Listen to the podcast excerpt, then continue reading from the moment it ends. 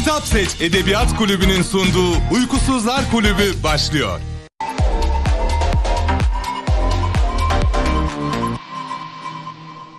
Hanımlar beyler iyi geceler. Güzel bir e, cuma gecesi yani e, günleri unutmayalım günlerin neye benzediğini değil mi? Pazartesiler bir başka salılar, çarşambalar, perşembeler, cumaları dışarı çıkılırdı falan filan. Unutmaya gerek yok. Stüdyomuzda e, ışıktan e, sorumlu değerli arkadaşım ışığı açmaya çalışıyor. Çünkü o kadar romantik olunmuş ki o romantik modda kalmış sanki stüdyomuzun ışığı. Tekrar bana biraz daha ışık gelecek olsun beni görüyorsunuz. Ben bu karanlığı da seviyorum gecenin bu saatinde.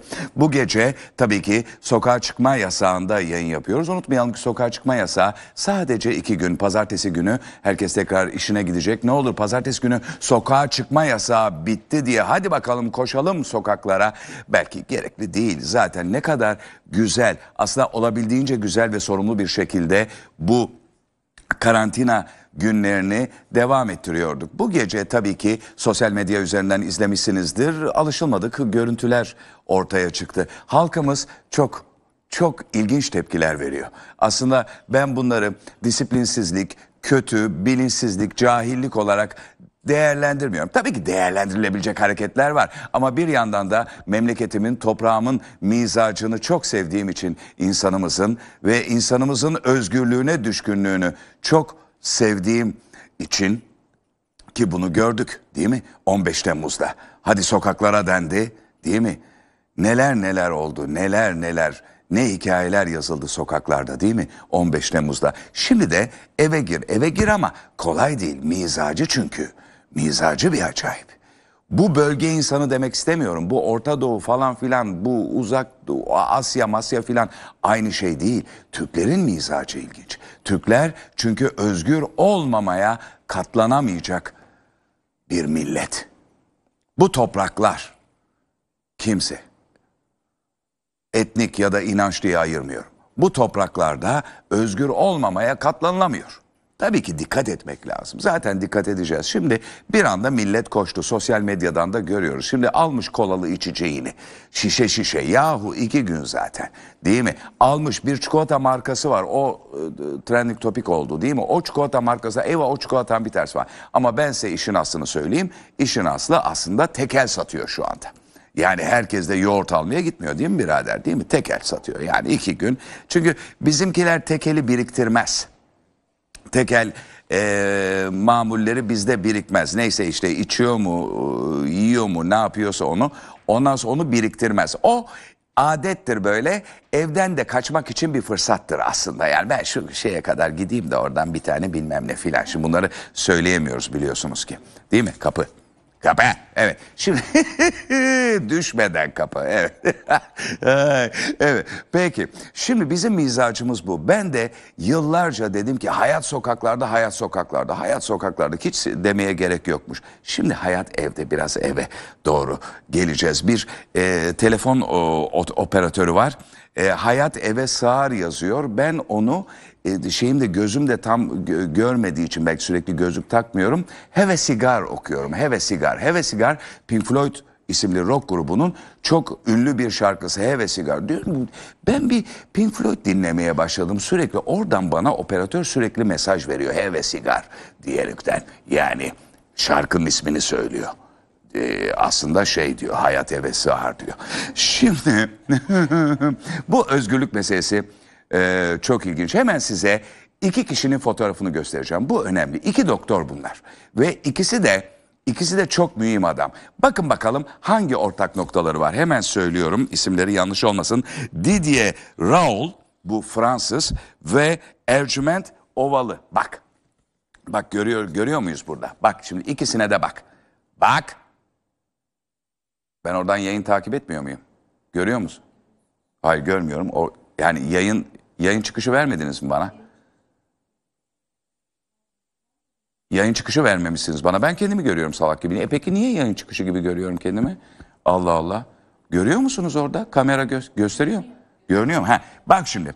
Bunlardan bir tanesi yani daha beyaz saçlı olan e, Didier Raoul bu adam Fransa'da e, büyük tartışma yarattı. Ha, bu plan güzel. E, büyük tartışma yarattı Didier Raoul.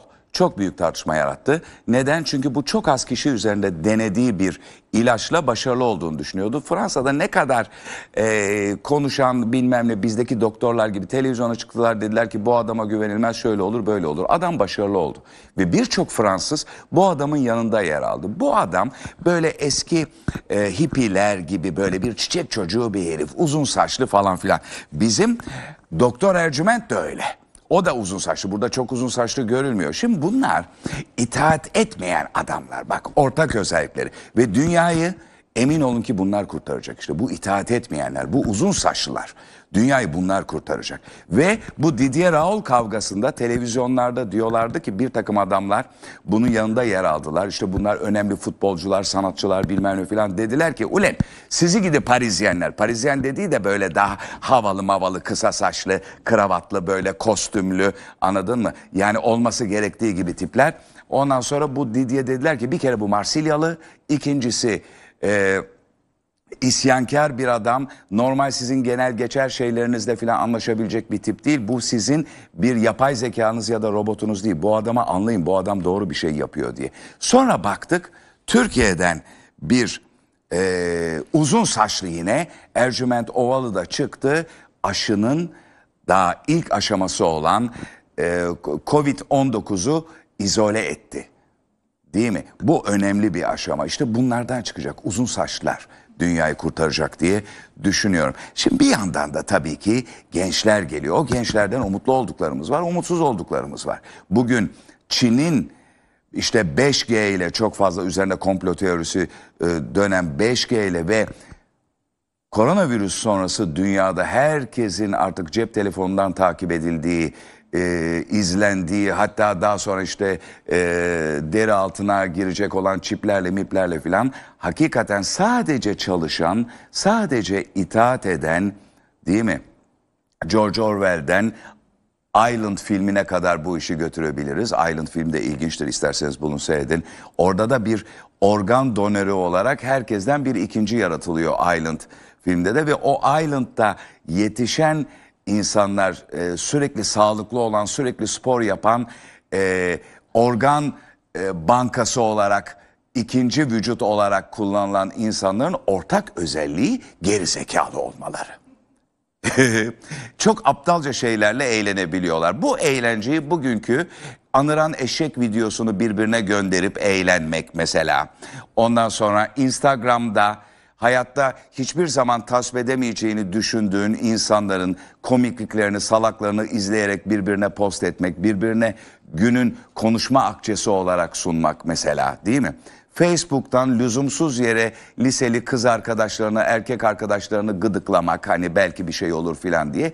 İşte o Island filminde de böyle geri zekalı eğlencelerle uğraşıyorlar. Aslında bütün bu işlerin ana ana müsebbibi o Mark Zuckerberg denilen fırlatma oğlan. Şu bu oğlanın elinde hangi platformlar var diye baktığın zaman Allah kahretmesin bir mezarlığa dönüşen Facebook bir bir geri zekalılık tamamen bir geri zekalılık olan ama herkesin bu akıllı şeyi kullanmasının nedeni olan WhatsApp değil mi? Bir de Instagram bunun. Yani bu toplumun sosyal kültürel dinamitlenmesine neden olan bütün dünya toplumlarının aslında nedeni bu fırlatma çirkin oğlan. Bunun filmi de izlediyseniz ne kadar kifayetsiz, muhteris bir herif olduğunu bunun görebilirsiniz. Bugün e, Ekşi Sözlük'te okuduğum bir yazı e, ilgimi çekti. Diyor ki bu bütün bu sosyal medya meselelerinden önce işte bizler pek evden çıkamazdık işte ya ekonomik durumlardan ya şunlardan ya bunlardan ve Dolayısıyla işte televizyonda Okan'a bakardık, Beyaz'a bakardık. Çünkü onlar bize hitap eden e, yine genç sanatçıların falan filanın toplanma alanıydı. Fakat daha sonrasında sosyal medya meselesiyle beraber Facebook'ta toplanmaya başladık. WhatsApp'ta, Instagram'da, şurada burada, Twitter'da toplanmaya başladık. Ve aslında bir şeye bir televizyona bakma meselesi de bu yüzden bitti. Ben de zaten bunu anlatmıştım. Ben Mark Zuckerberg, Zuckerberg perişanlığında bir şey öngörmemiştim tabii. Hep geleceğe bakarken daha umutlu ve daha iyi işler insanlara sunulması açısından daha şey daha iyi şeylerin sunulacağını düşünüyorsun. Çünkü sen nasıl her işte para düşünmüyorsun? Mesela biz buraya geldiğimizde şimdi para mı düşünüyoruz? Ben mesela e, televizyon programlarını bunu yani bir hiçbir e, hayatımda hiçbir programda almadığım kadar küçük paralarla sadece sembolik paralarla bu programları yapıyorum. Niye? Çünkü para için yapma yapılmaz bu. Yani bugünlerde arıyorum tiyatrocuları filan böyle ya gelmesek biz falan filan. Sonra bir anda kendimi sorguladım. Peki ben bunun için yapıyorum. Para için mi yapıyorum? Para desem bir şey değilse evde otursam hiç olmasa hayatım sürer falan filan. Ama bu arada çok iyi e, e, dezenfekte olan ve hiç hastalık haberi gelmeyen bir televizyon kanalında da bulunuyorum. Bunu da belirteyim. Neyse bu ekşi sözlükte yazan e, kişi diyor ki sonra böyle toplanmaya başladık. Çünkü bize daha ilginç gelmişti. Arkadaşlarımızın videoları, şunları, bunları, burada toplanmalar filan. Yani ne diye bu meşhurlara bakacağız? Fakat bunu meşhurlar anlamadı. Çok önemli bir markanın bir toplantısına gitmiştim. Bana da deli gibi para vermişlerdi. Sonra fark ettim ki belki bana verdikleri para kadar bir paradır. Birilerine daha çok meşhurlara ama neler kimler yok ki. İşte komikler, şovmenler, e, teknik direktörler, şunlar, bunlar, futbolcular, bir sürü şarkıcı filan korkunç paralar e, dağıtmışlar filan. Böyle bir e, toplantı yapıldı ve bunu çalışanlarına çok büyük bir firma çalışanlarına böyle bunu yapıyor falan. O kadar meşhur ge- getirdiler. O çalışanların hiçbiri o meşhurların yaptığı ne komikliklerle ilgilendi, ne söylediği şarkılarla ilgilendi, ne o meşhurların onlarla birlikte olmasıyla ilgilendi. O zamanki o organizasyonu yapanlar dediler ki ya senin bölümün güzel geçti. Niye dedim? Çünkü sen bu çalışanların kendi aralarında çektikleri videolarla dalga geçtin, eğlendin, onları işte hem sevdin hem eleştirdin falan filan. Bu çok enteresan oldu. Çünkü artık dedi bunlar birbirlerine gülmek istiyorlar. Ya da birbirlerini merak ediyorlar. Artık bu meşhurları filan merak etmiyorlar. Ve kaç senedir bunu hissediyorum fakat kimseyi bu gerizekalıktan alıkoymak mümkün değil. Ya şimdi çıkıp sokaklara, sokakta meşhur var mı? Efendim işte bu acaba şeyi e, karantina günlerinde sorumsuz mu davranmış diye bu meşhurları takip etmeyin ey aptal magazinciler. İşte bazı sanatçılar böyle evden yayın yapıyorum. Evet sana işte şarkı çalıyorum, gitar çalıyorum sana filan. Evet final mesajı lütfen evde kal. İyi ki söyledin. Yani yani bunların Bunların bir dalgası yok. 70'li yıllarda Amerika Birleşik Devletleri özellikle 60'ların sonu sokaklar çok tehlikeli. Özellikle New York'ta sokaklar pis ve uyuşturucu almış başını gidiyor ve hırsızlık, soygun, gasp bilmem ne böyle hikayeler var. Ve gençleri özellikle uyuşturucudan uzak tutabilmek için hakikaten neredeyse bir devlet projesi olarak televizyonda Saturday Night Live gibi programları destekliyorlar ve buna buna da televizyonlara para harcamasını sağlıyorlar ve Saturday Night Live programları yani cumartesi geceleri Amerika'yı eğlendiren bu çok iyi yapılmış programlar, bir tür talk show, içinde skeçler olan filan, aynı Beyazıt'ın yaptığı, benim yaptığım gibi filan. Bu gibi programlarla gençleri evde oturmaya yönlendirmeye çalışıyorlar ki bunlar gidip sokaklarda işte torbacılarla ya da e, gaspçılarla bir araya gelmesinler, karşılaşmasınlar filan diye. Fakat bu olabilirdi. Bizde de olabilirdi. Bunun için çabaladık ama yapamadık. Neden? Televizyoncular yüzünden. Çünkü kör değneğini bellemiş gibi aynı kalıp dizilere nereden akçelenecekler, cebe para koyacaklar, bilmem ne yapacaklar. Aynı tip programlara, aynı aptallıklara devam ettiler ve bugün az sayıda haber kanalı dışında televizyonlar çöp. Çöp, çöp. Bu dijital devrimin dünyada olduğu hızla da Türkiye'de gerçekleşmesi gerekiyordu. Türkiye'de bu kadar hızlı olması gerçekleşmesi gerekmiyordu. Amerika hala televizyon seyrediyor. Fransa hala televizyon seyrediyor. Bütün bu ülkeler hala deli gibi radyo dinliyorlar. Bütün bu ülkeler hala hala gazete okuyor oran olarak. Hala basılı yayın okuyorlar.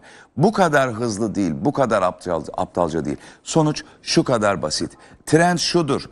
Teknolojik gelişme budur. Bu çıkar, herkese a- eline avucuna alır, bir öncekini devirir. Evet öyle olur. Tabii ki öyle olacak. Sonuçta kaçınılmaz son 15 senedir de bunu anlatıp duruyorum zaten.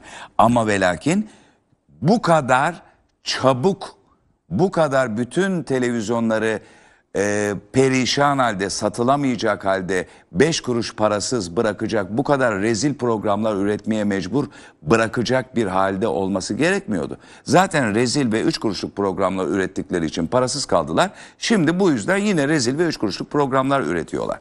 Ölçüm sisteminden hazırlanan programlara kadar hepsi perişan. Şu anda canlı yayın yapıyoruz.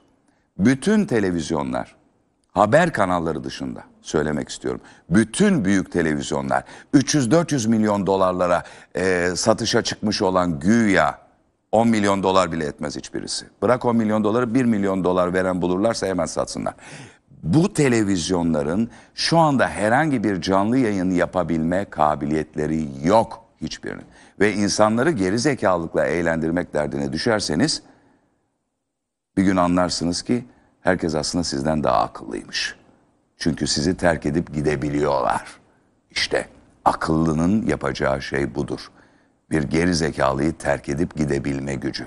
Seyirsiz, seyircisiz bırakabilme gücü. Her neyse. Şimdi bu konulara daldık. Bu iki uzun saçlı doktordan buraya geldik. Ee, biz bu gece diyeceksiniz ki ya hemen okusana şu dünkü hikayeyi merak ediyoruz. Evet ama e, küçük bir detay programı uzatabiliyoruz.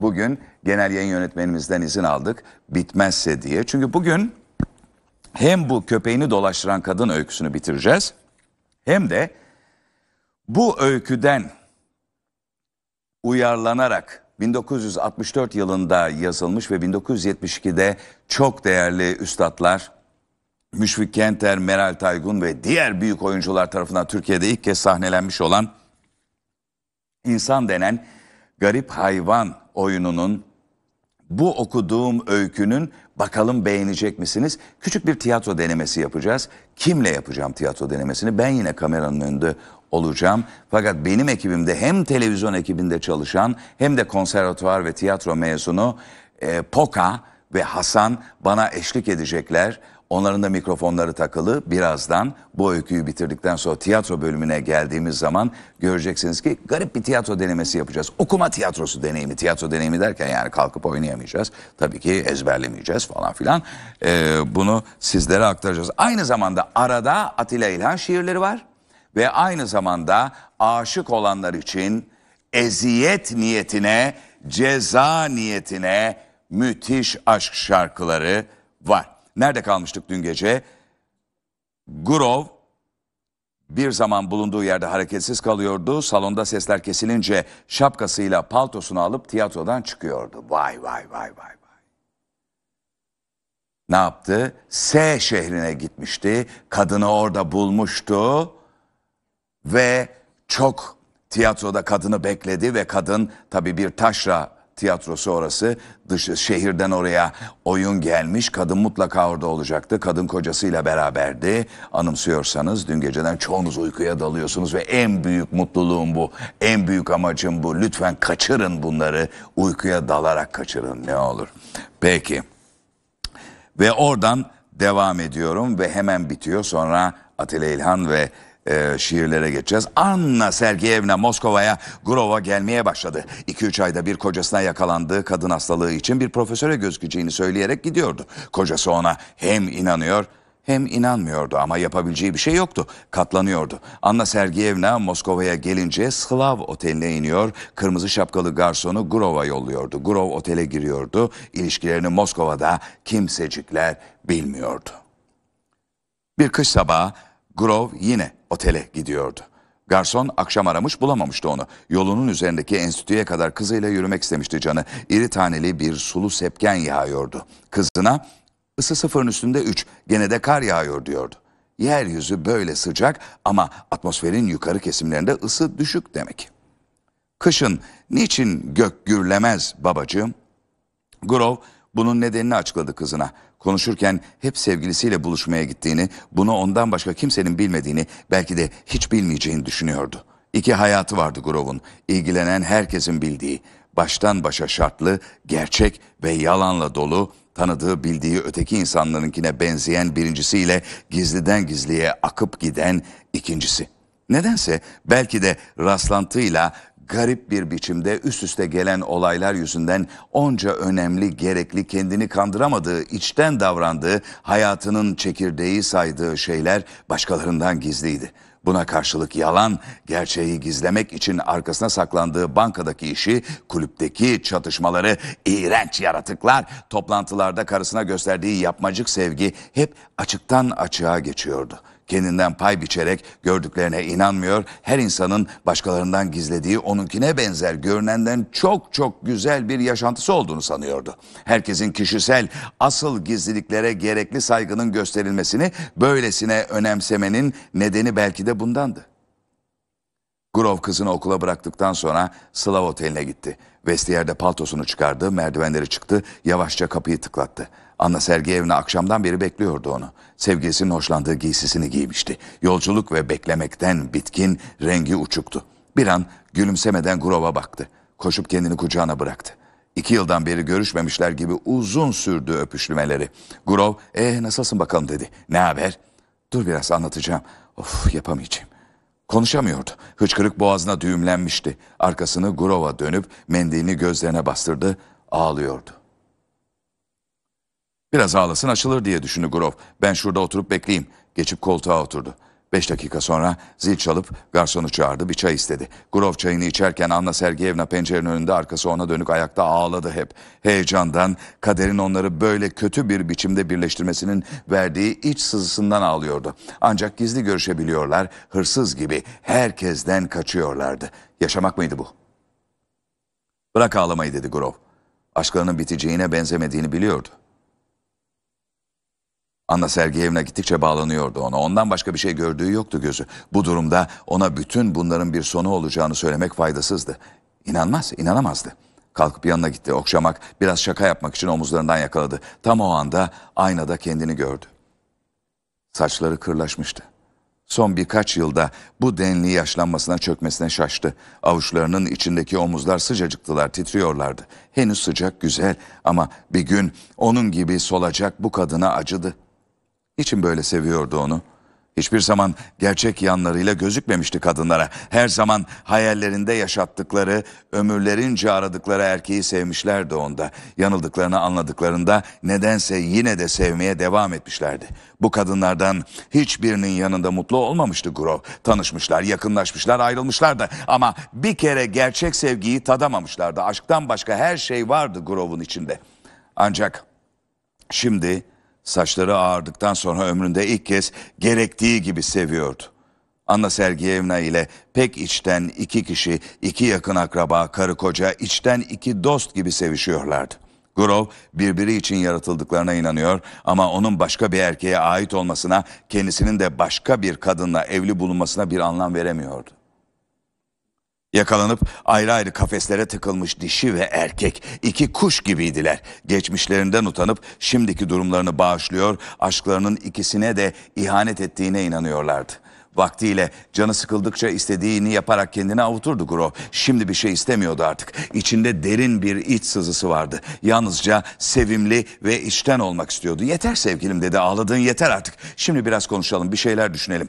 Uzun uzun konuştular. Gizlenmekten başkalarını kandırmak zorunluluğundan ayrı kentlerde yaşamanın yarattığı güçlüklerden aylarca görüşememenin verdiği acıdan kurtulmanın yollarını araştırdılar. İnsanı yıldıran, gözünü korkutan bu engelleri nasıl aşacaklardı? Grove başına ellerini arasına alıp saçlarına asılarak nasıl nasıl diyordu. Nasıl kurtulacağız bütün bunlardan? Bir ses kısa bir zaman sonra çözüm yolunun kendiliğinden bulunacağını, o zaman yeni mutlu bir hayata başlayacaklarını fısıldıyordu kulağına. Sonun çok uzaklarda olduğunu, ilişkilerinin en karışık ve güç devresinin daha şimdi başladığını ikisi de sezinliyordu. Oh! Çehov, Çekofyen, Çehov, Çehov vari. Yani böyle çok mühim bir şey olmadı sonunda. Hani Edgar Allan Poe'da filan oluyor ya ve pa bir şey oluyor falan. Hayır bu Çekov. Bunu birisi tabii size masal anlatır gibi okuyor ama yani birazdan birazdan e, söyle adamın ismini. Hay Fransız yazarı Smoky değil. Ha, şey, evet, evet şey neydi adı onun? Aman oyunlaştıran adam işte. Ha? E, Gabriel Arul. Ha, Gabriel Arul. Şimdi o bunu bambaşka hale getiriyor. Birazdan bunu üç kişi, üç kişi yani buradaki adam kadın ve başka bir adamla da bu adam konuşuyor. Grove yani. Onları size canlandıracağız. İki önemli eser. Bir tanesi köpeğini dolaştıran kadın ya da küçük köpekli kadın. Anton Chekhov. Bir diğeri Doktorun ismi geliyor hep aklıma. Didier Raoul geliyor. Hayır değil o şey. Ee, evet söyle ismini. E, adamın ismini söyle bir daha. Gabriel Raoul. Evet. O da bambaşka bir şekilde yazmış. Şimdi hemen biraz müzik ama red çalalım. Mutlu olmak için. İlk, ilk şarkılarından biri. Ne acayiptir ki buna şahitlik etmiştim. Daha hiç albümleri yokken onlarla müziklerini çok seven, bunu çok e, destekleyen, bayılan bir adam olarak tanışıyordum. Ve bu onlardan ilk dinlediğim stüdyo kaydıydı. Daha hatta bir e, demo gibiydi, bir maket gibiydi. Sonra yayınladılar. Bugüne kadar dinlediğim en güzel şarkılardan biri. Mütevazı, tatlı, bu geceye uygun. Müthiş değil mi? Ha, bak bize nasıl bakıyorsun hashtag ile gelen fotoğraflar. Hemen şu konuda uyarmak istiyorum. Ee, rejimiz tabii ki e, vardiyalı olarak çalışıyoruz. Ee, çok kişiyle yapmıyoruz e, yayını rejide biraz da sosyal mesafeye dikkat ediyoruz. Çoğunlukla bugün bana yolladığınız e, fotoğraflar bir ertesi gün yayınlanıyor. Bazıları bugün de giriyor kendinizi görebilirsiniz. Ama bir ertesi gün yayınlanıyor. Onun için fotoğrafım çıkmadı diye üzülmeyin. Sizi göreceğiz. Çok güzel fotoğraflar geliyor. Kediler, monitörler nasıl izliyorlar bizleri, evdeki halleri nedir ve gençleri görmekten çok mutlu oluyorum. Ben 95'in bir Şubat gecesinden beri sizlerle beraberim. Ee, e, bayağı bir adam yetiştirdim sayılır geceleri. İlk başta annelerin babaların yasakladığı adamdım. Hatta öğretmenlerin sakın o adamı izlemeyin dedikleri bir adamdım. Neden fazla mı özgür geliyordum bilmiyorum ama sonradan e, galiba bırakmadım işte. Ama biraz gelenekselciyim şimdi de. Yani insan insan yaş aldıkça neyi seviyor? Kendi mizacını kabul etmek zorunda kalıyor. Kendisini kabul etmek zorunda kalıyor. Kendini değiştirmeyi öğreniyor. Değiştirmeyeceğini, değiştiremeyeceğini anladığından bahsetmiyorum. Herkes kendisini değiştirir. Herkes kendisini tekrar inşa edebilir. Okuduklarıyla, gördükleriyle, dinledikleriyle, tecrübeleriyle. Tecrübe başa gelen şey değildir. Tecrübe o şeyden ne anladığınızdır tecrübe ve sonra ne yaptığınızdır tecrübe. Bak kaç gecedir söylüyorum değil mi? Bu başımıza gelen bir salgın tecrübesi değil.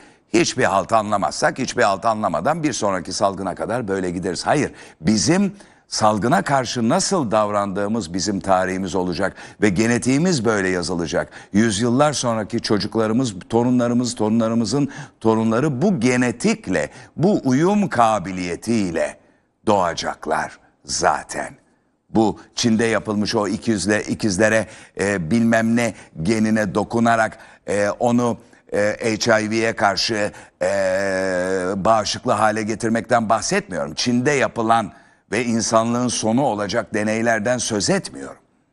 Ya da 5G ya da başka bir teknolojiyle e, bu kadar insanları e, ve yapay zeka ile insanları sadece çalışan bize Island filmini ya da Matrix filmini ya da George Orwell'in 1984'ünü anımsatan neredeyse bir bilim kurgunun içinde yaşamaya başladığımız şu günlerde bu olmaktan söz etmiyorum. Dünyada kimse itaat etmemeyi başaramasa da bizim mizacımız özgür olmayı başaracaktır. Biz onlar gibi itaatkar olmayacağız. İtaatten her konuda itaatten bahsediyorum. Sokakta şurada burada filan. Şimdi bu evde karantina ve iki günlük sokağa çıkma yasağında da göreceksiniz ki bazıları bana kızıyor polisimizi övdüğümüz zaman ama göreceksiniz ki polisimizin ya da benzeri kolluk kuvvetlerimizin ne kadar anlayışlı olduklarını göreceksiniz. Ne kadar halden anladıklarını göreceksiniz. Arada iyisi vardır, kötüsü vardır. O başka bir konu. Ben bir genelleme yapıyorum. Ama halden anlayacaklar. Bugün İçişleri Bakanı dedi ki e, bir başka haber kanalında sorulan bir soruya karşı peki eczaneye giderse ne olacak dedi. Sonucu "E, eczaneye gitsin dedi. Şimdi bak bu bizim mizacımıza dair bir konudur. Çünkü böyle bir kararı almış olan ve bunun en tepesindeki isim bir İçişleri Bakanıysa dünyanın herhangi bir yerinde televizyon yayınında kendisine sorulmuş bu kadar detaylı ve istisnai bir soruya kesin net hayır cevabı verirdi. Ama İçişleri Bakanı da olsa, evinde oturan vatandaş da olsa bu ülkenin mizacını taşıyor. Yani diyor ki aman eczaneye de gitsin canım. Çünkü biliyor ki o İçişleri Bakanı kendi emrindeki kolluk kuvvetlerinin insanları onlar da bu toprakların çocukları olduğu için onlar da diyecekler ki yahu nereye gidiyorsun diyecek. Anladın mı? O da diyecek ki evladım şuraya bir eczaneye kadar gideceğim ilacım bitti ilacımı alacağım diyecek ve birbirlerini ikna edecekler. Anlatabiliyor muyum? Biz insan mizacını biliyoruz insanımızın mizacını. Yalan söyleyip söylemediğini anlıyoruz. Bazen bazı insanları yalan söylese de dinliyoruz. Kafa bulmak için dinliyoruz. Biz de ona yalan söylüyoruz. O da bize yalan söylüyor. Bu topraklarda yalan vardır. Başka topraklar gibi değil. Hoşlanmadığımız bir detayımız bizim. Yalan vardır. Bundan hoşlanmayız. Ama var. Var. İyi mi? Kötü. Bence kötü. Keşke bu olmasa bizim kültürümüzde. Her şeyin bir uyaroğlu vardır, bir bilmem nesi filan ve çoğunlukla o uyaroğlular yalanla birleşir. Ama ve lakin o onu ikna eder. Başka bir ülkede olduğu gibi polis onu yere yatırıp ellerini arkadan plastik kelepçeyle bağlayıp bir başka ekip çağırıp bunu bilmem ne yapıp filan ya da İtalya'da olduğu gibi bakalım senin işte e, bilmem nereden yaptırdığın kağıdın var mı sabah valilikten bilmem ne kağıt talep ettin mi e-devlet üzerinden bilmem ne yaptın mı diye sormaz. Çünkü onu yapamayacağını bilir. Çünkü o zavallı ve kafasız bir emir kulu değildir çoğunlukla. Onun için merak etmeyin bu iki gün çok da zor geçmeyecek. Bundan sonra belki de havaların güzelleşmesiyle birlikte halkımız sokaklara, deniz kenarlarına akın etmesin diye, misafirliklere gitmesin diye gençler özellikle evet asemptomatik olarak bunu büyüklere taşıyabilirler. Hiçbir genç bir büyüğünü öldürmek istemez ama ölmesine neden olabilir. Dolayısıyla dolayısıyla 20 yaş büyük gençlerden söz ediyorum. Tabii ki bunun için hafta sonları sokağa çıkma yasağı eğer kendi usulümüzce yapabilirsek kendi usulü ki kendi usulümüzce yapabileceğimizi de gördük. Bugün en çok satışı yapılan herhalde o çikolata markasıyla kolalı içecekti. Yani e, kendi usulümüzce böyle yapıyoruz. Tamam böyle yapıyoruz. Böyle yapıyoruz yahu. Bu memleketi seviyoruz, bu toprağı seviyoruz. Hayatımda başka hiçbir yerde yaşamayı düşünmedim. O kadar imkanım vardı. Hiçbir şekilde ne düşündüm ne aklımdan bir kere geçirdim. Bir kere bile. Burada ölürüm buradan ayrı kalırsam çünkü. Bununla, bu, bu, bu, bununla besleniyorum ben. Bununla e, kanım dolaşıyor damarlarımda. Bununla heyecanlanıyorum. Sabahtan kalkma, sabah yataktan kalkmak için bir nedenim var. O neden de insanlar. Hanlar, hamamlar, e, arabalar, e, bankadaki para, bilmem neredeki yazlık filan değil. İlla aile, çoluk çocuk değil. Sokakta ya da bir gün halden anlayan bir kadın, bir adam görebilmek. Belki onunla aşk yaşamak, belki onunla dostluk yaşamak. Budur. Başka ne, ne için sabah yataktan kalkıyoruz? E, konuşmaya gelince tabii sorumluluklar var, şunlar bunlar var falan filan da o değil asıl bizi yaşatan. Evet he, hepimiz çocuklarımız için yaşıyoruz bu doğru ben de öyleyim.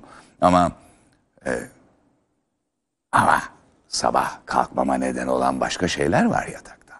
Yani sadece o kadar değil. Atilla İlhan uzun şiiri bakalım başarabilecek miyim? Vallahi prova yapmadım görelim açılmış sarmaşık gülleri kokularıyla baygın. En görkemli saatinde yıldız alacasının gizli bir yılan gibi yuvalanmış içimde keder, uzak bir telefonda ağlayan yağmurlu genç kadın. Rüzgar uzak karanlıklara sürmüş yıldızları, mor kıvılcımlar geçiyor dağınık yalnızlığımdan. Onu çok arıyorum. Onu çok arıyorum. Her yerinde vücudumun ağır, yanık sızıları. Bir yerlere yıldırım düşüyorum. Ayrılığımızı hissettiğim an demirler eriyor hırsımdan. Ay ışığına batmış karabiber ağaçları, gümüş tozu gecenin ırmağında yüzüyor zambaklar, yaseminler unutulmuş, tedirgin gülümser. Çünkü ayrılmanın da vahşi bir tadı var. Çünkü ayrılık da sevdaya dahil. Çünkü ayrılanlar hala sevgili. Hiçbir anı tek başına yaşayamazlar. Her an ötekisiyle birlikte her şey onunla ilgili. Telaşlı karanlıkta yumuşak yarasalar, gittikçe genişleyen yakılmış ot kokusu, yıldızlar inanılmayacak bir irilikte yansımalar tutmuş bütün sahili. Çünkü ayrılmanın da vahşi bir tadı var. Öyle vahşi bir tat ki dayanılır gibi değil. Çünkü ayrılık da sevdaya dahil. Çünkü ayrılanlar hala sevgili. Yalnızlık, hızla alçalan bulutlar, karanlık bir ağırlık, hava ağır, toprak ağır, yaprak ağır, su tozları yağıyor üstümüze. Özgürlüğümüz yoksa yalnızlığımız mıdır? Eflatuna çalar puslu lacivert, bir sis kuşattı ormanı, karanlık çöktü denize. Yalnızlık çakmak taşı gibi sert, elmas gibi keskin. Ne yanına dönsen bir yerin kesilir.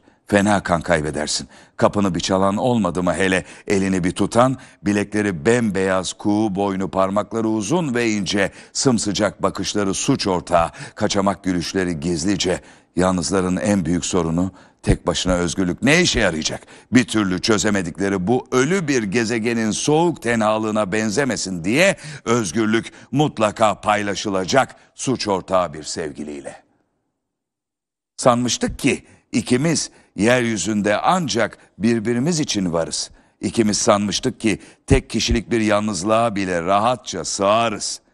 Hiç yanılmamışız. Her an düşüp düşüp kristal bir bardak gibi tuz parça kırılsak da hala içimizde o yanardağ ağzı, hala kıpkızıl gülümseyen sanki ateşten bir tebessüm, zehir zemberek aşkımız. Bu ne baba? Bu ne baba? Bunu bir kadına oku, sana aşık olsun. Bu ne ya? Aysel git başımdan. Aysel git başımdan ben sana göre değilim. Reklama mı gidilecek? Ne reklama gidilecek? Aysel git başımdan diyorum ya. Aysel'e diyorum ya. Aysel git başımdan. Reklama gireceğiz. Çemkirmeye devam edeceğim. Kitap Seç Edebiyat Kulübü'nün sunduğu Uykusuzlar Kulübü devam edecek. Kitap Seç Edebiyat Kulübü'nün sunduğu Uykusuzlar Kulübü devam ediyor. evet bu da bir aşk şarkısı Paris'te geçiyor. Üniversiteli Paris'e okumaya gelmiş oğlan bir kızla randevulaşıyor. Kız gelmiyor randevuya.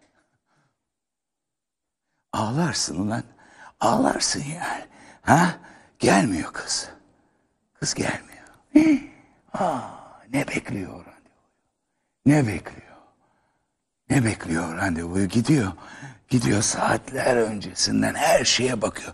O kadar her şey sinirleri, beyin nöronları o kadar uyanık ki her şeyi. Yani o kadar bekliyor ki. Smokey grubu I Meet You at Midnight şarkısı. Ama o kadar bekliyor ki ve her şeyi görüyor. Böyle bekledim Fransa'da okurken. Kadını bekledim böyle. Her şeyi, her şeyi, her şeyi hissettim. Her, her detayı benimle ilgili olmayan bütün detayları, bütün mimari şeyler, insanlar, elbiseler, sokaklar, vitrinler, küçük fareler, ha? her şeyi hissettim kadını beklerken. Kadın geldi bende. Aysel git başımdan ben sana göre değilim. Ölümüm birden olacak seziyorum. Hem kötüyüm, karanlığım biraz, çirkinim. Aysel git başımdan istemiyorum. Benim yağmurumda gezinemezsin, üşürsün. Dağıtır gecelerim sarışınlığını. Uykularımı uyusan nasıl korkarsın? Hiçbir dakikamı yaşayamazsın. Aysel git başımdan. Ben sana göre değilim. Benim için kirletme aydınlığını. Hem kötüyüm, karanlığım biraz, çirkinim. Islığımı denesen hemen düşürürsün. Gözlerim hızlandırır tenhalığını. Yanlış şehirlere götürür trenlerim. Ya ölmek ustalığını kazanırsın ya korku biriktirmek yetisini. Acılarım iyice bol gelir sana. Sevincim bir türlü tutmaz sevincini. Aysel git başımdan ben sana göre değilim. Ümitsizliğimi olsun anlasana. Hem kötüyüm, karanlığım biraz çirkinim. Sevindiğim anda sen üzülürsün. Sonbahar uğultusu duymamışsın ki içinden bir gemi kalkıp gitmemiş uzak yalnızlık limanlarına. Aykırı bir yolcuyum dünyaya geniş, büyük bir kulak çınlıyor içimdeki çetrefil yolculuğum kesinleşmiş. Sakın başka bir şey getirme aklına. Aysel git başımdan ben sana göre değilim. Ölümüm birden olacak seziyorum. Hem kötüyüm, karanlığım biraz, çirkinim. Aysel git başımdan seni seviyorum. Bu ne be? İşte bunu kadına oku bu şiiri. Ha? İsmi Aysel olan kadına okusan daha iyi. Ama onun ismini de koyarsın ama bu aşk şiirlerinde de şairin kendini methedişi ha? ha? Ya ya ya ya ya. Evet. Ya şair. Şair. Ee, elimde üç tane daha Atilla İlhan şiiri var. Ondan sonra e, bakarız. Şimdi e, tekrar e, bir şarkı çalalım ki siz hazırlanın. Hasan da stüdyoya gelsin. Şu biraz uzatacağız demiştik zaten. E, şu oyunu okumaya başlayalım. Böyle bir televizyon tiyatrosu, radyo tiyatroları var ama televizyon tiyatrosu da olabilir. İşte bunun için demek ki bir salgın bu imkanı hazırladı. Yani e, diğer hem televizyon ekibinde hem de tiyatro ekibinde olan iki değerli arkadaşımla beraber sizlere okuyacağız. Şimdi hiç beklemediğiniz bir grup King Crimson çalacağım sizlere. Ama King Crimson'dan beklenmeyecek derecede ilginç bir aşk şarkısı. Tree of a Perfect Pair. Yani e, ne o? E, mükemmel e, bir çiftin birleşimin ağacı filan. Ay şairane. Fakat sözler biraz işte Robert Fripp falan filan bir de onların şairi vardı. O şair de grupta gruba bir şair almıştı o zaman King Crimson. O, o 70'lerin manyaklığında oluşabilen bir şey bu. E, yani gruba şair alınır mı? Hiçbir enstrüman çalmıyor. Sadece söz yazarı da değil. Bak şair. Yani bugün bir grup bunu denese çok acayip olabilir. Aç. evet. Şimdi e, Hasan ve Poka bizimle beraber. Tabii Poka'nın takma ismi. Hasan'ın da Hasan takma ismi. Evet değil. E, evet hem e,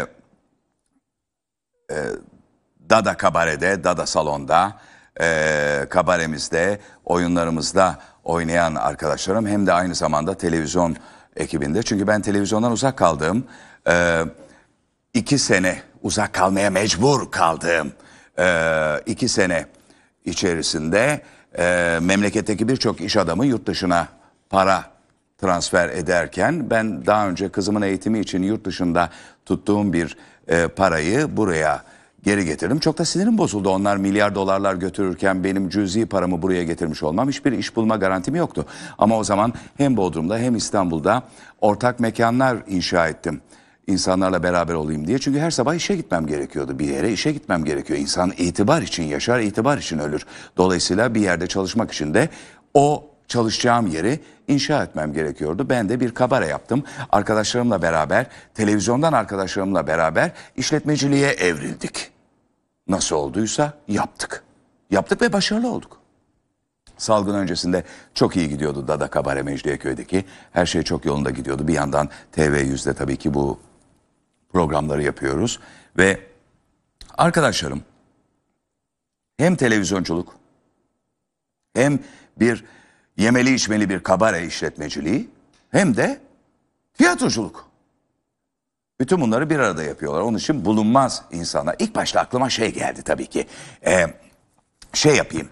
Ee, meşhur oyuncular çağırayım filan. Bir iki meşhur oyuncuyu arattım filan aradım. Ee, Ya oldu. Ee, tamam dedim ya. Hani bir ölümünüz benim elimden olmasın. Benim ölecek adamlarım var yanımda. Benle beraber. Yani bundan nasıl ölüm oluyorsa güzel, hijyeni olan, her şey yolunda bir televizyon stüdyosu.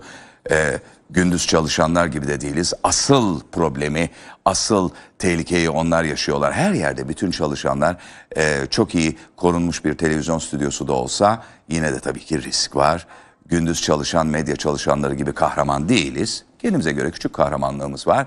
Onun için gece saat 12'den sonra televizyonun en tenha olduğu saatlerde buraya geliyoruz ve bu yayını gerçekleştiriyoruz. Şimdi sizlere biraz önce okuduğum köte, köpeğini dolaştıran kadın ya da diğer yayınlanan ismiyle küçük köpekli kadının Gabriel Arut. Gabriel Arut tarafından e, oyunlaştırılmış halini sizlere sunacağız ve evet birazdan bitmemiz gerekiyordu aslında ama rica ettim genel yayın yönetmenimiz de kabul etti biraz geciktirdi. Şimdi Hasan hem burada oynayan adamı okuyacak hem parantez işlerini okuyacak. Parantez işlerini okuyacak derken niye parantez işlerini okuyacak? Çünkü bir takım parantez işleri tiyatrocular buna notasyon diye aralarında konuşurlar. Bu parantez işleri notasyonlar şöyle yaparak ayağa kalkarak biraz hiddetli bir şekilde filan gibi parantez işleri. Aslında bunlar e, okuması gerekmiyor ama ayağa kalkarak ona doğru yaklaşarak falan filan gibi biz oturarak tabii bunu seslendirdiğimiz için gerekiyor bir anlatıcı gibi ama bir yandan da e, ona şey notasyonlarını e, e, duygu notasyonlarını da okuyabilirsin dedim Hasancığıma. Aynı zamanda adamı da okuyacak. Evet ve oyunun finaline doğru bir yerde küçük köpekli kadından ya da köpeğini dolaştıran kadından uyarlanmış bu e, oyunu şimdi Poka ve Hasan'la beraber seslendireceğiz. Poka kadını oynayacak. e, Hasan e, adamı. Ve anlatıcıyı. Karanlık diye başlıyor. Karanlık. Karadeniz'in kuzey kıyılarında bir yazlık yerinde deniz boyunca uzanan rıhtım üstündeki kahvelerden biri. İki adam bir masaya oturmuştur. Oyunumuzun bu bölümünün hafif tatlı bir fon müziği içinde geçmesi çok yerinde olur. Valsler, hafif ve içli şarkılar, romanslar olayla ilgili bir ses fonu sağlamalı. Bu arada Bunu özellikle... ama yapmıyoruz çünkü e, bunu düşündüm. E, hatta şeyi çalayım dedim. Hep de adamın ismini unutuyorum. Böyle bir çok modern e, modern e, adam. Ne? Hep unutuyorum onun ismini. Bak o geldi aklıma. Sana hatta onu gönderecektim e, bugün. Öyle bir şey nasıl olur e, dedim. Şimdi yine adamın ismini unuttum. Kafa çok doluyor. Kafa çok doluyor. Ee, şeyle doluyor. Mesela bütün bir ilk gençliğim boyunca ve sonrasında da kafamı hep böyle en önemli gitaristlerle, en önemli roman yazarlarıyla, en önemli tarihi kahramanlarla, en önemli politikacıların isimleriyle, doktorların isimleriyle, şunlarla bunlarla doldurdum. Sonra bu medyaya girdik. Gelen giden programa herkesi tanımam gerekiyor. E ama bu yüzden de biraz magazinde magazin zaten böyle vuruyorlar sana böyle kafana vuruyorlar filan falanca model kız filanca benzin istasyonu sahibiyle çıkmaya başlamış. O iki ismin ikisinin ismini öğreniyorum o gün gazeteden. Kafamdan bir gitaristle bir romancı gidiyor. Bir besteci gidiyor. Yahu Buna işte overdose'u deniliyor şeyin.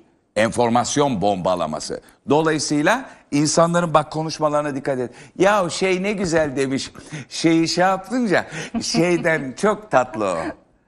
Gördün mü sen onu? Yok.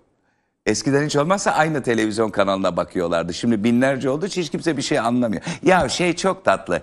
Ee, şey e, şey var ya şey demiş ya hani ha? Ee, yok. Şimdi hatırlarım besteciyi. Ee, o benzinci daha çok aklıma geliyor. Evet. evet devam. Bu arada özellikle bir romans, anlatacağımız bu kısa ömürlü aşk hikayesinin light motifi olduğunu belirteceğim. Tamam onu çalmayacağız. birkaç kez uygun yerlerde ön plana geçmelidir. Evet erkek. Ben yani. Değil mi? Evet. Kendimi ne olduğumdan daha iyi ne de hele daha görmeye çalışıyorum. İkisini de hoş görürlüğün en bayağı şekli sayarım.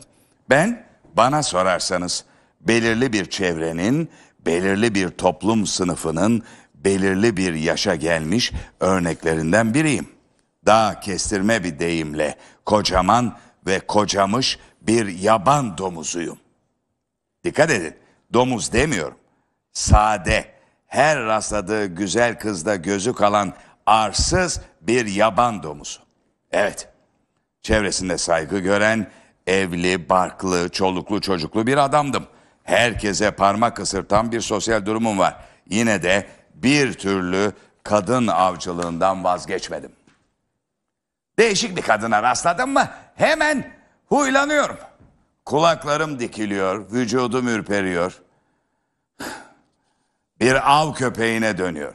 Onun için baktım olmayacak, karar verdim. Yaz tatillerimi hep evimden uzak geçiriyorum. Karşıma uygun bir şey çıkarsa rahatça el uzatayım diye. Şunu da söyleyeyim ki sade yaz aylarına mahsus değildir benim serüvenlerim. İşin aslına bakarsanız yaz avcılığıyla kış avcılığını ve metotlarını birbirinden ayırmak gerekir. Ya demek kışın başka türlü avlanılır, yazın başka türlü. Ha, hele hele ilgilenmeye başladınız bile. İster misiniz fazilet denen şey sadece toyluk, acemilik olsun? Belki de. Yaz avıyla kış avını ayırırken hava sıcaklığını soğukluğunu değil sağ, daha çok avın o mevsimlerdeki özelliklerini göz önünde tutarım. Kışın şehirlerde daha dar bir tanıdık çevresinde dolandığımız için av hayvan, hayvanları listemiz de daha sınırlıdır. Nafile. Ne yapsanız alıştıramayacağım dilimi bu av hayvanları listesi falan gibi biçimsiz laflara. Kesin. Öyleyse kadınları sevmiyorsunuz. Kim demiş? Tersine. Kadınları sevdiğim, saydığım için. Tutmadı. Sevgiyle saygı bir arada gitmez. Vurduğu tavşanı torbasına tıkan avcı tavşanı ne kadar hor görüyorsa siz de avladığınız kadınları o kadar hor görüyorsunuz. Nedir bu haliniz? Hayvanları sevmezsiniz, avlanmayı da sevmezsiniz. Neyi seversiniz kuzum? Hiçbir şey değil mi? Size boğa yılanının kullandığı taktiği anlatsam anlayabilir misiniz acaba? Boğa yılanının taktiği E, anlatın bakalım. Kış avcılığı her şeyden önce bir sabır işidir. Neden derseniz kışın kadın alıştığı, güvendiği bir alandadır. Ayakları sağlam bir toprağa basar sanki. Kadın dedimse evli kadın tabii. Kullanılacak taktik onu güvendiği alandan uzaklaştırıp çürük tahtaya bastırmaktan, ihtiyatsızlığa sürüklemekten ibaret. Erkek gençse, yakışıklıysa, alımlıysa biraz vals, biraz şampanya kadının ayağını kaydırmaya yeter de artar bile. Ama erkek sizin gibi ya da benim gibi ise iş biraz daha güçleşir. O zaman boğa yılanının büyüleme tekniğine başvurmaktan başka çare kalmaz. Diyelim Sibaritov adında bir tanıdığın karısına göz koydum. Kadınsa ben bu dünyada var mıyım yok muyum farkında değil. Bir kere bile bakmamış suratıma. Bir akşam Sibaritov'a laf arası sayın eşinize saygılarımı sunarım. Bence dünyanın en zarif, en kibar kadınlarından biri. Kendisiyle ne kadar övünseniz yeridir derim. Adam yok canım der iltifat ediyorsunuz. Ama o akşam eve dönünce gazetesine dört elle sarılmadan önce karısının kolayca gönlünü alabildiği için memnun dostumuz filan sana saygılarını sunuyor. Pek beğenirmiş seni hiç bilmiyordum bir övdü bir övdü ki sorma göklere çıkardı der. Artık dostumuz Sibaritov rahatça okuyabilir gazetesini ama karısını bir düşüncedir alır. Dostumuz filan dediği adam nasıl bir adamdı der kendi kendine. Suratımı gözünün önüne getirmeye konuştuklarımızı hatırlamaya çalışır. Nerede tanıştık der. Yine çıkaramaz. Aradan bir süre geçer derken tanıdıkların evinde karşılaşırız. Ben saygılı, çekingen ama arada sırada bakışlarımız karşılaşır. Bir kere, iki kere. Bir gün kulüpte sayılı ressamlarımızdan birinin Rus güzelliğini canlandırmak için kontes falan filanı kendine model seçmesine içerlerim. Bayan Sibiritov varken o mu seçilir diye kıyametleri koparırım. Herkes daha neler Olga mı derler. Ben ne sandınız derim. Olga'nın menekşe gözlerinde Slav dünyasının bütün şiirinin saklı olduğunu görmemek için insanın badanacı ustası kadar serme, sersem olması gerekir. Aklınızda olsun. Şişirme laflardan hiç korkmayacaksınız. Ne kadar yüksekten atarsanız o kadar iyi tutarsınız. Ertesi gün bizim Sibaritovlar sofrada konuşur. Kadın neye bakıyorsun öyle der. Gözünün rengini çıkarmaya çalışıyorum. 8 yıl evlilikten sonra mı? Dostumuz filan senin için menekşe gözlü diyor da. Ha, ya demek yine lafım geçti. Lafın geçmek ne demek? Ağzından düşürmüyor seni. Göklere çıkarıyor. Herif tutkun mudur nedir? İyi mi? Yine bir hafta ara. Olga bir gün kocasına can sıkıntısından yalnızlıktan sık- yakınır. Eve kimseyi çağırmıyorsun der. Kocası cevap verir. Sesini taklitle. Dostumuz filan çağırsam mesela meğer e, menekşe gözlüğü görmek için koşa koşa gelirmiş. Ya senin adın menekşe gözlü oldu ya. Aklı fikri sende midir nedir enayinin? Yok bilmem hangi bakımdan büyük bir sanatçıymışsın da bunu değerlendirmemek günahmış da falan filan. Nereden buluyor bu lafları bilmem. Roman yazarı olacakmış salak. Uyduruyorsun diyor karısı. Bir akşam çağırayım da gör. Kadın çağırırsan çağır. Bana ne? Diyor. Gerçekten çağırıyorlar. Ama ben bir işi öne sürüp gitmiyorum.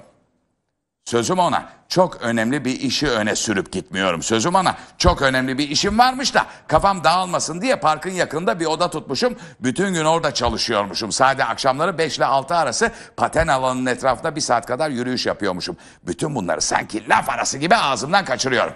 Ve bir akşam tam dediğim yerde kadınla karşılaşıyorum. Saat de 5 ile 6 arası. Olur ha tesadüf. Gözlerimi gözlerine daldırarak ağır ağır yaklaşıyorum. Heyecanlı bakışlarımdan bana çoktan teslim olduğu belli. Boğa yılanının bakışlarıyla büyülenmiş bir tavşan gibi. Sükut. Sonra Sonrası yok ya iş tamam. Gözlerim gözlerinde elini öpüyorum ama bırakmıyorum. Karşılıklı bakışmalar, sessizlik, heyecan derken yavaşça mırıldanıyorum. Bize gidelim. Ve o da kuzu gibi peşimden geliyor. bence bu uydurma bir hikaye değil. Paten alanıyla menekşe gözlerle filan hepsi gerçek. Ha ha. Suratını buruşturur. Aman ne rüküş. Olsun tesirli ya sen ona bak. Ne zevk duyabilirsiniz bütün bu manevralardan, dalaverelerden? Avlanma zevki. Yaz avcılığına gelince onun kuralları bambaşka. Daha trenden inerken maceraya hazırlıklı olacaksın. Bütün mesele avı gözüne kestirip kendini beğendirmeye çalışmak. Burada da buldunuz mu birini? Ya, pek buldum sayılmaz ama ne yalan söyleyeyim. iki gündür iskelede yalnız başına dolaşan bir kadın çekti dikkatimi. Hani masum güvercinler vardır ya tıpkı onlar gibi. O kadar masumunu baştan çıkarmak da pek zevkli olmasa gerek. Öyle demeyin dostum ya. Görünüşe aldanmamalı. Hiç belli olmaz. Kendimce bir ad koydum kadına. Küçük köpeksiz kadın diyorum. Neden küçük köpeksiz kadın? E, küçük köpeği yoktu ondan. E, böylesi pek tekin değildir. Çünkü ahbaplık etmek, gönül eğlendirmek isteyen kadınlar tanışmak konusunda küçük bir köpeğin ne kadar iyi işe yaradığını bilirler. Bir genç kadın belirir. Akşam gezintisini bitirmiş, soğuk bir şey içmek için uğramıştır gazinoya. Sağına soluna baktıktan sonra bir masaya oturur. Erkek ona gözlerini diker. O değil mi?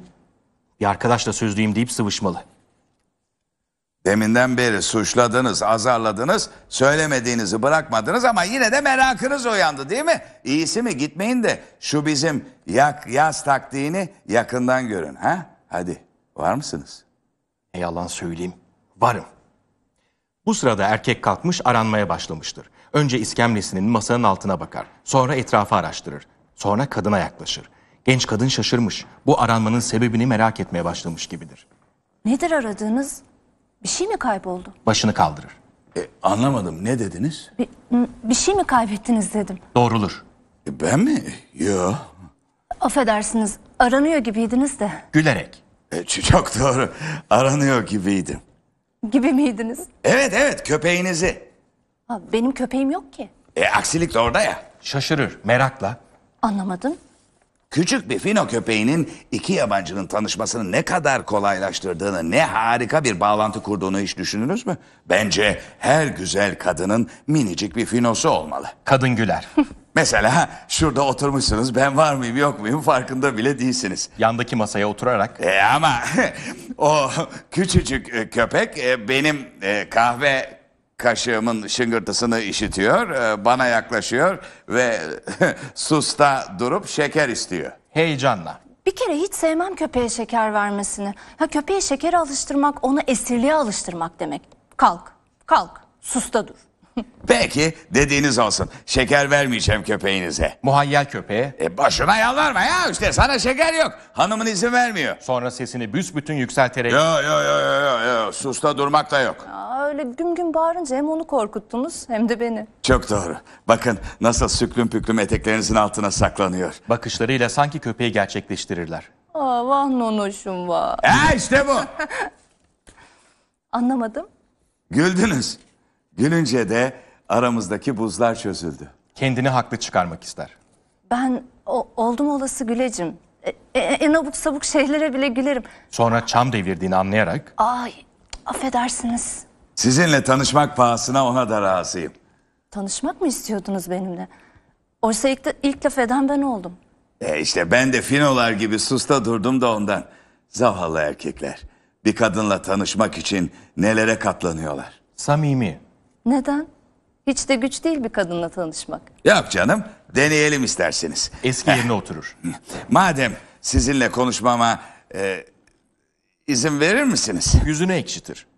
Nasıl? Bir kere yapmacıkla eğreti kaçıyor. Sonra siz e, çok memnun olurum başlayın deseniz ötesini nasıl getireyim? Başka laf bulamam ki. İlgi çekici esprili olmaya çalışacağım başaramayacağım. Oysa az önceki küçük komedi ikimiz için de hemen rahatlatıcı oldu. Bir süre konuştuktan sonra fark ettik konuştuğumuzu. Bu kadını şaşırtmış ve eğlendirmiştir. Sahi. Sonra nedense ikisi birden susarlar. Kadın biraz utanmış gibidir. Erkeğin keyfi yerindedir. Sonunda yine kadın karar verir bu sessizliği bozmaya. Burası çok sıcak. Sıkıcı. He, yalnız olunca her yer sıcak ve sıkıcıdır. Doğru. e, o kadar şey umuyordum ki buradan. Ama yalnız kalınca bütün hayallerim kırıldı. Aa, ç- çok yazık. E, Ben yalnızım. E, Siz yalnızsınız. Küçük köpeğiniz yok diye ikimiz de ölelim mi şimdi can sıkıntısından? Gülerek Değil mi ya? Bütün kabahat bende. Yok ya hayır o kadar suçlamayın kendinizi. Köpeğiniz olsaydı çoktan e, başkası tanışırdı sizle. Ben de açıkta kalır kahrımdan ölürdüm. Daha neler? E, sahi söylüyorum hiç olmazsa şimdi sizinle konuşmayı, sizi güldürmeyi başardığım için ne kadar da koltuklarım kabarıyor. sonra aklına gelen bir düşünceyle keyfi kaçmış, tereddüde kapılmış gibi Ama zaten siz her şeye güler misiniz öyle değil mi? Hayır kolay gülerim ama öyle sık sık gülmem. Fırsat olmaz. Ya kocanız? Ha? Evlisiniz değil mi? O gülmez hiç. Öyleyse izin verirseniz ben sizi sık sık güldürmeye çalışayım ha? Kuzum yapın bunu. O kadar ihtiyacım var ki gülmeye. Kadınlar kendilerini güldüren erkekleri unutmazlarmış öyle derler. Demek sizi hatırlayan çok. mütevazı fakat cevabın müsbet olduğu hissini uyandıracak şekilde Yok canım. Tanışmak için hep böyle küçük küçük komediler mi tertiplersiniz? hemen tehlikeyi sezerek E, doğrusunu söyleyeyim mi? İlk defa yapıyorum böyle bir şey. Yüzme bilmeden denize atlayanlar gibiyim. E, aslında müthiş utangacım. Ben de. Evet ama sizinki sahici. ikisi de güler. Sonra ton değiştirerek Bakın aklınızdan geçenleri biliyorum. Doğru bulmuyorsunuz yaptığımı. Hakkınız var. Bütün bu komedi öylesine manasız, öylesine saçma bir şey ki... Hiç değil. Beni çok eğlendirdi. Sahi söylüyorum. Eğlendirdi çünkü gülüştüm. Onun için şimdi tek düşünceniz ne yapıp edip beni başınızdan sağmak. Aa, hiç değil. elini öper. İnanayım mı? Deniz kıyısında şöyle biraz dolaşalım desem kabul eder misiniz? Neden etmeyeyim? Ne kadar naziksiniz. Kalkar. Bakın bir gemi kim bilir ne kadar uzaktan geliyor. O da kalkar. Büyük bir gemi olmalı. Işıkları çok yukarıda. Erkek kolunu uzatır. Kadın elini güvenle bu kola dayar. Erkek yaşlıca adama muzaffer bir bakışla bakar. Çıkarlarken Ha, az kalsın unutuyorduk. Neyi? ıslıkla köpek çağırır gibi yaparak Ha, ha, küçük köpeğiniz Madoro. gülerek, Bilemediniz. Mador değil. Mador büyük köpek adı. gülerek çıkarlar. Karanlık. Of şarkı vakti. Ne çalacağız baba? Can't take my eyes. Aa, bak hala uyumaya gitmemiş. 65 sokağa çıkma yasağı olanlar varsa Engelbert Humperdinck'ten gelecek. Senden gözlerimi alamıyorum.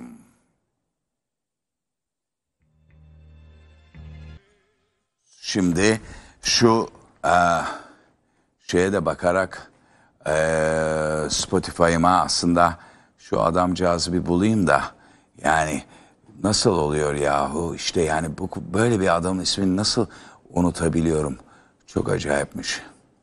Şimdi bulacağım ama Spotify'ımda da çok adam var. Neyse bunu bulurum bir şekilde ya. Yani. Ha? Bulurum bulurum. Peki. Şimdi. Sen de. Evet. Karanlık. Aynı gazino taraçası. Yine o iki erkek oturmaktadır.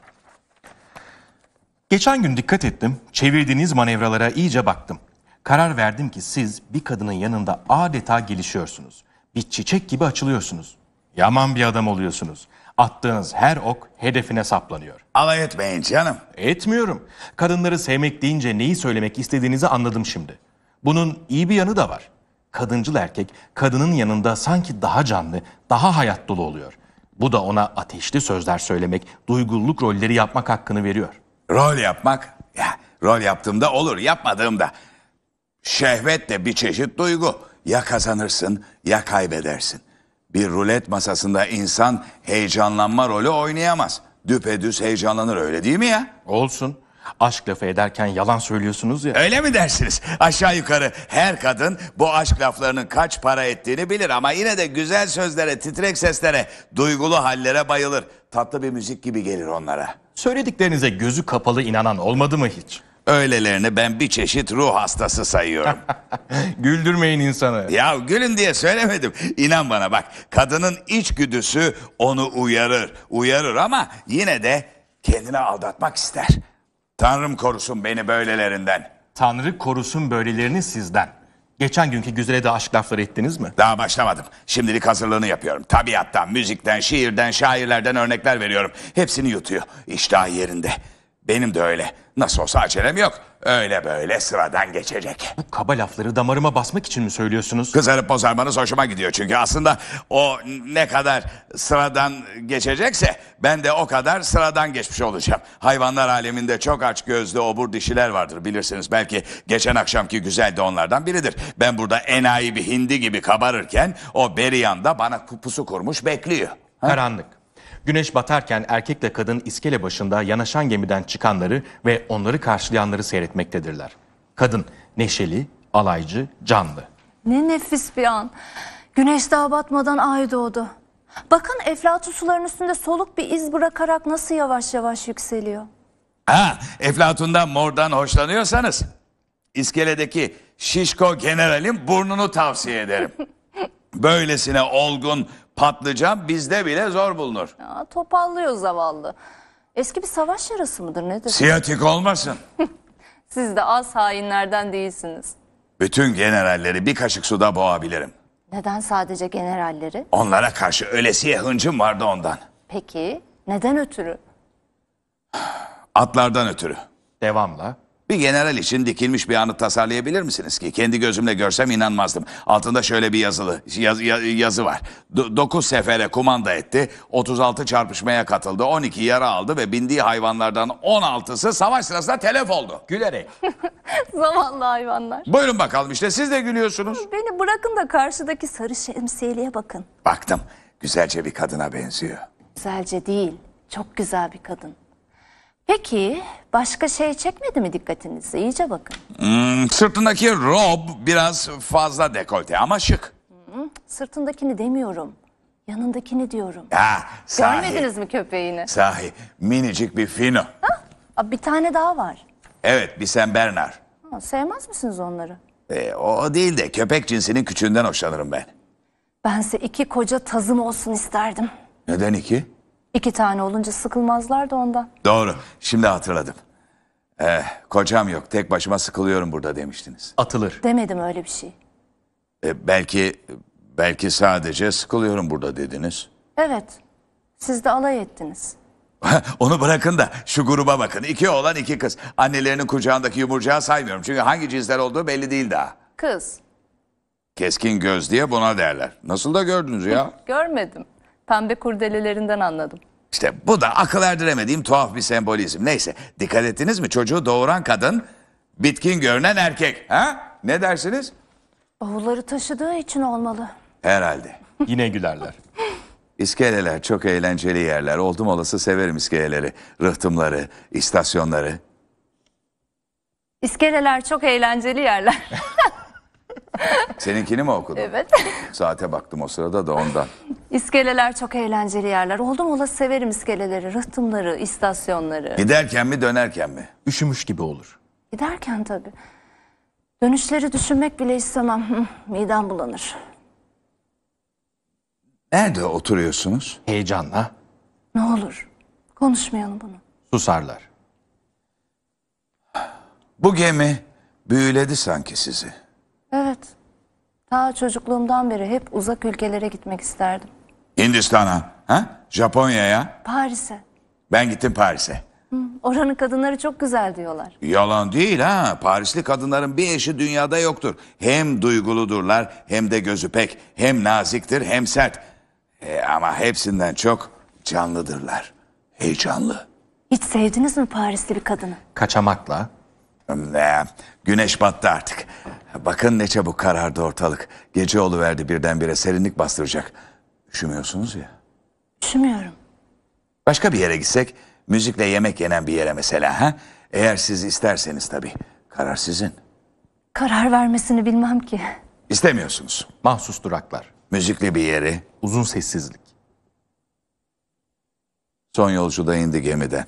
İskeleyi bile, al, iskeleyi bile aldılar. Bir duraklama daha. E hadi ne bekliyoruz? Bilmiyorum. Kadının gözlerinin içine bakar. Sonra birden kucaklar. Kısa bir sessizlikten sonra Hadi gel. Sana gidelim. koluna girer ve uzaklaşır. Kadının odası. Kadın yarı Dur soyun- ya. Bitiririz daha var. Program bitirelim. Bir buçuğa kadar iznimiz vardı. Pazartesi günü oyunda bu kaldığımız yerden 71. sayfanın sonundan devam edeceğiz. Bu bestecinin ismini de hatırlayacağım. Erik Satie. Ha Erik Satie ya. Ulan nasıl bildin? Bak nasıl işte ha, kadın. Ha. Aferin sana. Ha Erik Satie. Ha? Of be. Aa. Dur birkaç dakika daha var. Ne çalmadık aşk şarkılarından? Bak bakayım. Zorundayız. E, hayır bitirmek zorunda değiliz. Daha iki dakikamız daha var. Öyle mi diyorlar? Peki o zaman o zaman bitiriyoruz. Peki e, sevgili izleyenlerimize, hanımlara, beylere veda edelim. Bu gece çok güzel fotoğraflar yolladınız yine. Onları Twitter'dan gördüm. Bir yandan burada e, e, neydi bunun adı? Kucak üstü mü diyorduk? Bunu kucak kucak bilgisayarım. Dizüstü ha bunu diz dizüstü. Kucak bilgisayarından bakıyorum. Bir, bir yandan da telefondan bakıyorum. E, harikulade fotoğraflar geldi. Çok teşekkür ederiz. Bunları en geç e, bugün yayınlayamadıklarımızı pazartesi e, gecesi yine aynı saatte yayınlayacağız. İki günümüz var. İki günümüz biraz daha biraz daha e, sıkı bir karantina yapalım, bu illetten kurtulalım diye şu iki gün özenli davranacağız ve sonra işte tekrar buluşacağız pazartesi gecesi. Ben de size yine böyle uyutmaya çalışacağım. İyi geceler, iyi uykular.